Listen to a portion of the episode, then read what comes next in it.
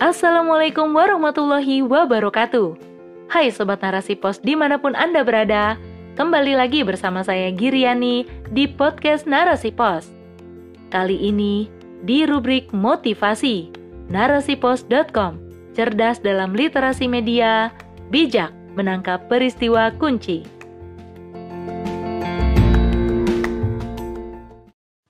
Hijrah dan istiqomahlah oleh Ayah Ummu Najwa. Tak ada manusia yang terbebas dari dosa.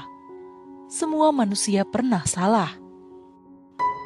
Setiap manusia pernah melakukan kemaksiatan, bahkan ada yang terus-menerus, sering, kadangkala, atau sesekali. Ada yang tidak mau bertobat hingga akhir hayatnya. Ada yang ingin bertobat meski berat luar biasa. Ada sebentar bertobat, namun kemudian mengulanginya. Ada yang bertobat dan terus berusaha istiqomah dalam pertobatannya. Sebaik-baik manusia yang berdosa adalah yang bertobat dengan menyesali dan berusaha meninggalkan perbuatan dosanya.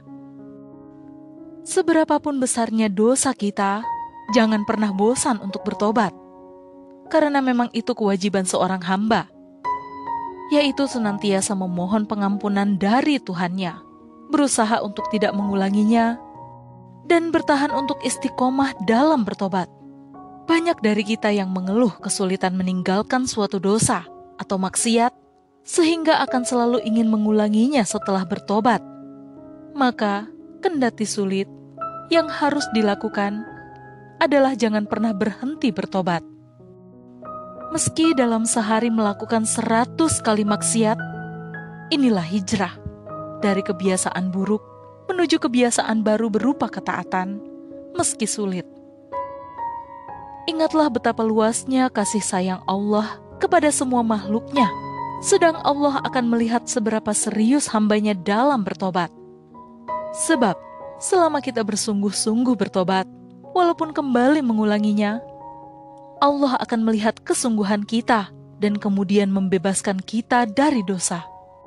Bisa jadi hari ini, esok, lusa, bulan depan, atau bulan-bulan berikutnya. Sesuai dengan kadar kesungguhan kita, yang harus kita lakukan adalah jangan putus hubungan dengannya. Sungguh, setan akan terus membuat tipu daya agar kaum muslim meninggalkan tobat. Bisa jadi dengan membuat kita berpikir bahwa tidak ada gunanya bertobat jika tetap melakukan maksiat dan mengulanginya. Setan akan membuat kita terlena dan merasa pemikiran kita itu adalah yang terbaik, sehingga kita akan terus terjerembab ke dalam lumpur kemaksiatan dan akhirnya sulit tertolong lagi. Meskipun suatu saat kita terperosok lagi, namun jangan pernah berhenti menyesal bertobat dan meminta taufik dari Allah agar kita tidak mengulanginya lagi. Walaupun sulit, namun segeralah bertobat, karena Allah akan melihat kesungguhan hambanya dalam pertobatannya. Sungguh, jika bersungguh-sungguh, maka Allah akan menguatkan diri kita serta membebaskan kita dari jurang kemaksiatan. Ingatlah selalu firman Allah pada surah Ali Imran ayat 135 yang artinya dan juga orang-orang yang apabila mengerjakan suatu perbuatan keji atau menzolimi diri sendiri, segera mengingat Allah lalu memohon ampunan atas dosa-dosanya. Dan siapa lagi yang dapat mengampuni dosa-dosa selain Allah? Dan mereka tidak meneruskan perbuatan dosa itu sedang mereka mengetahui Langkah selanjutnya setelah menyesal dan bertobat adalah dengan meninggalkan lingkungan yang dapat mendorong pada perbuatan dosa. Inilah arti hijrah secara harfiah, berpindah dari tempat penuh kemungkaran menuju tempat yang memudahkan kita melakukan ketaatan. Jauhkan diri kita dari teman, tempat, pekerjaan, atau bahkan gadget yang mendekatkan kita pada maksiat Jauhilah sesuai dengan kemampuan kita, sembari terus memperkuat hubungan kita dengan Allah selamanya. hijrah fisik maupun hijrah secara maknawi sangat membutuhkan dukungan, baik lingkungan, sahabat, serta orang-orang yang solih lagi muslih, yang akan memberi pengaruh positif terhadap kehidupan kita dengan kebaikan. Dengan begitu, diharapkan lambat laun kita akan terlepas dari maksiat itu. Hijrah tak bisa instan. Hijrah butuh proses. Terjatuh, bangun lagi. Terjatuh lagi, bangkit lagi. Begitulah proses hijrah, karena kemaksiatan yang telah mengakar tak bisa sekali dibersihkan dengan perbuatan taat yang hanya sekali. Ketaatan ini harus dilakukan terus-menerus, hingga kerak-kerak kemaksiatan itu terkelupas dan rontok, digantikan dengan kebiasaan yang berpahala.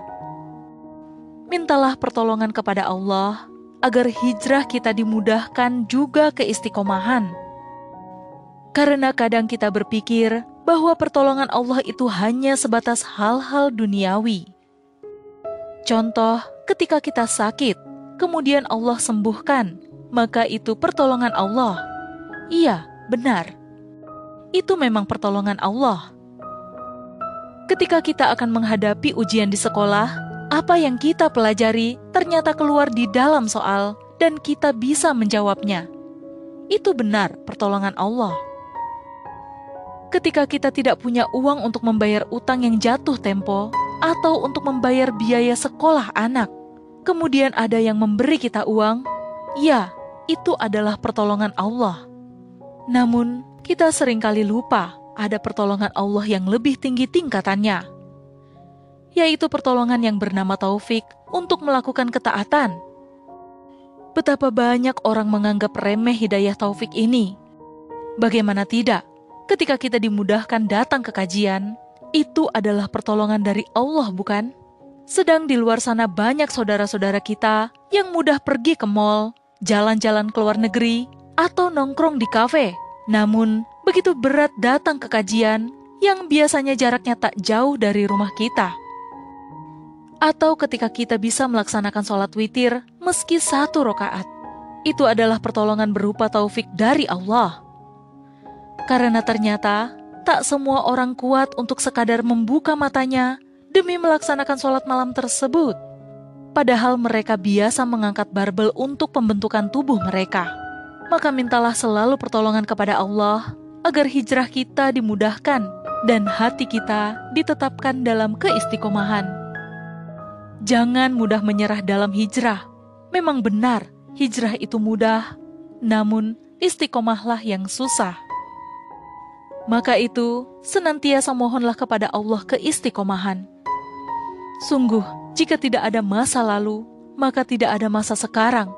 Jika tidak ada kesalahan, maka tidak ada timbul penyesalan untuk berbuat lebih baik. Hijrah sebenarnya mudah jika kita berdoa dan berazam dan bersungguh-sungguh. Sedang istiqomah adalah mempertahankan segalanya dan hanya untuk Allah.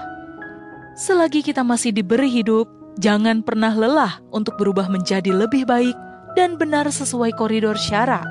Jangan pernah lelah untuk bertobat. Tinggalkan apa yang dibenci Allah dan lakukan segala yang disukai Allah.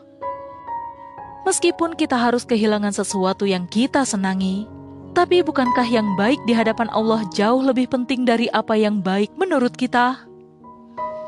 Walaupun kerikil tajam mengadang, meski duri-duri menusuk, tetaplah semangat berhijrah dan istiqomahlah. Ingatlah sabda mulia beliau Sallallahu Alaihi Wasallam dalam hadis riwayat Imam Muslim nomor 2703 dari sahabat Abu Hurairah. Siapa saja yang bertobat sebelum matahari terbit dari tempat terbenamnya, maka Allah pasti akan menerima tobatnya. Selain itu, berdoalah kepada Allah untuk keistiqomahan kita di jalan hijrah sebagaimana dalam surah Al-Imran ayat 8. Ya Tuhan kami, janganlah Engkau jadikan hati kami cenderung kepada kesesatan setelah Engkau beri kami petunjuk dan karuniakanlah kepada kami rahmat dari sisimu, karena sesungguhnya Engkaulah maha pemberi karunia. Wallahu a'lam bisawab. Wassalamualaikum warahmatullahi wabarakatuh.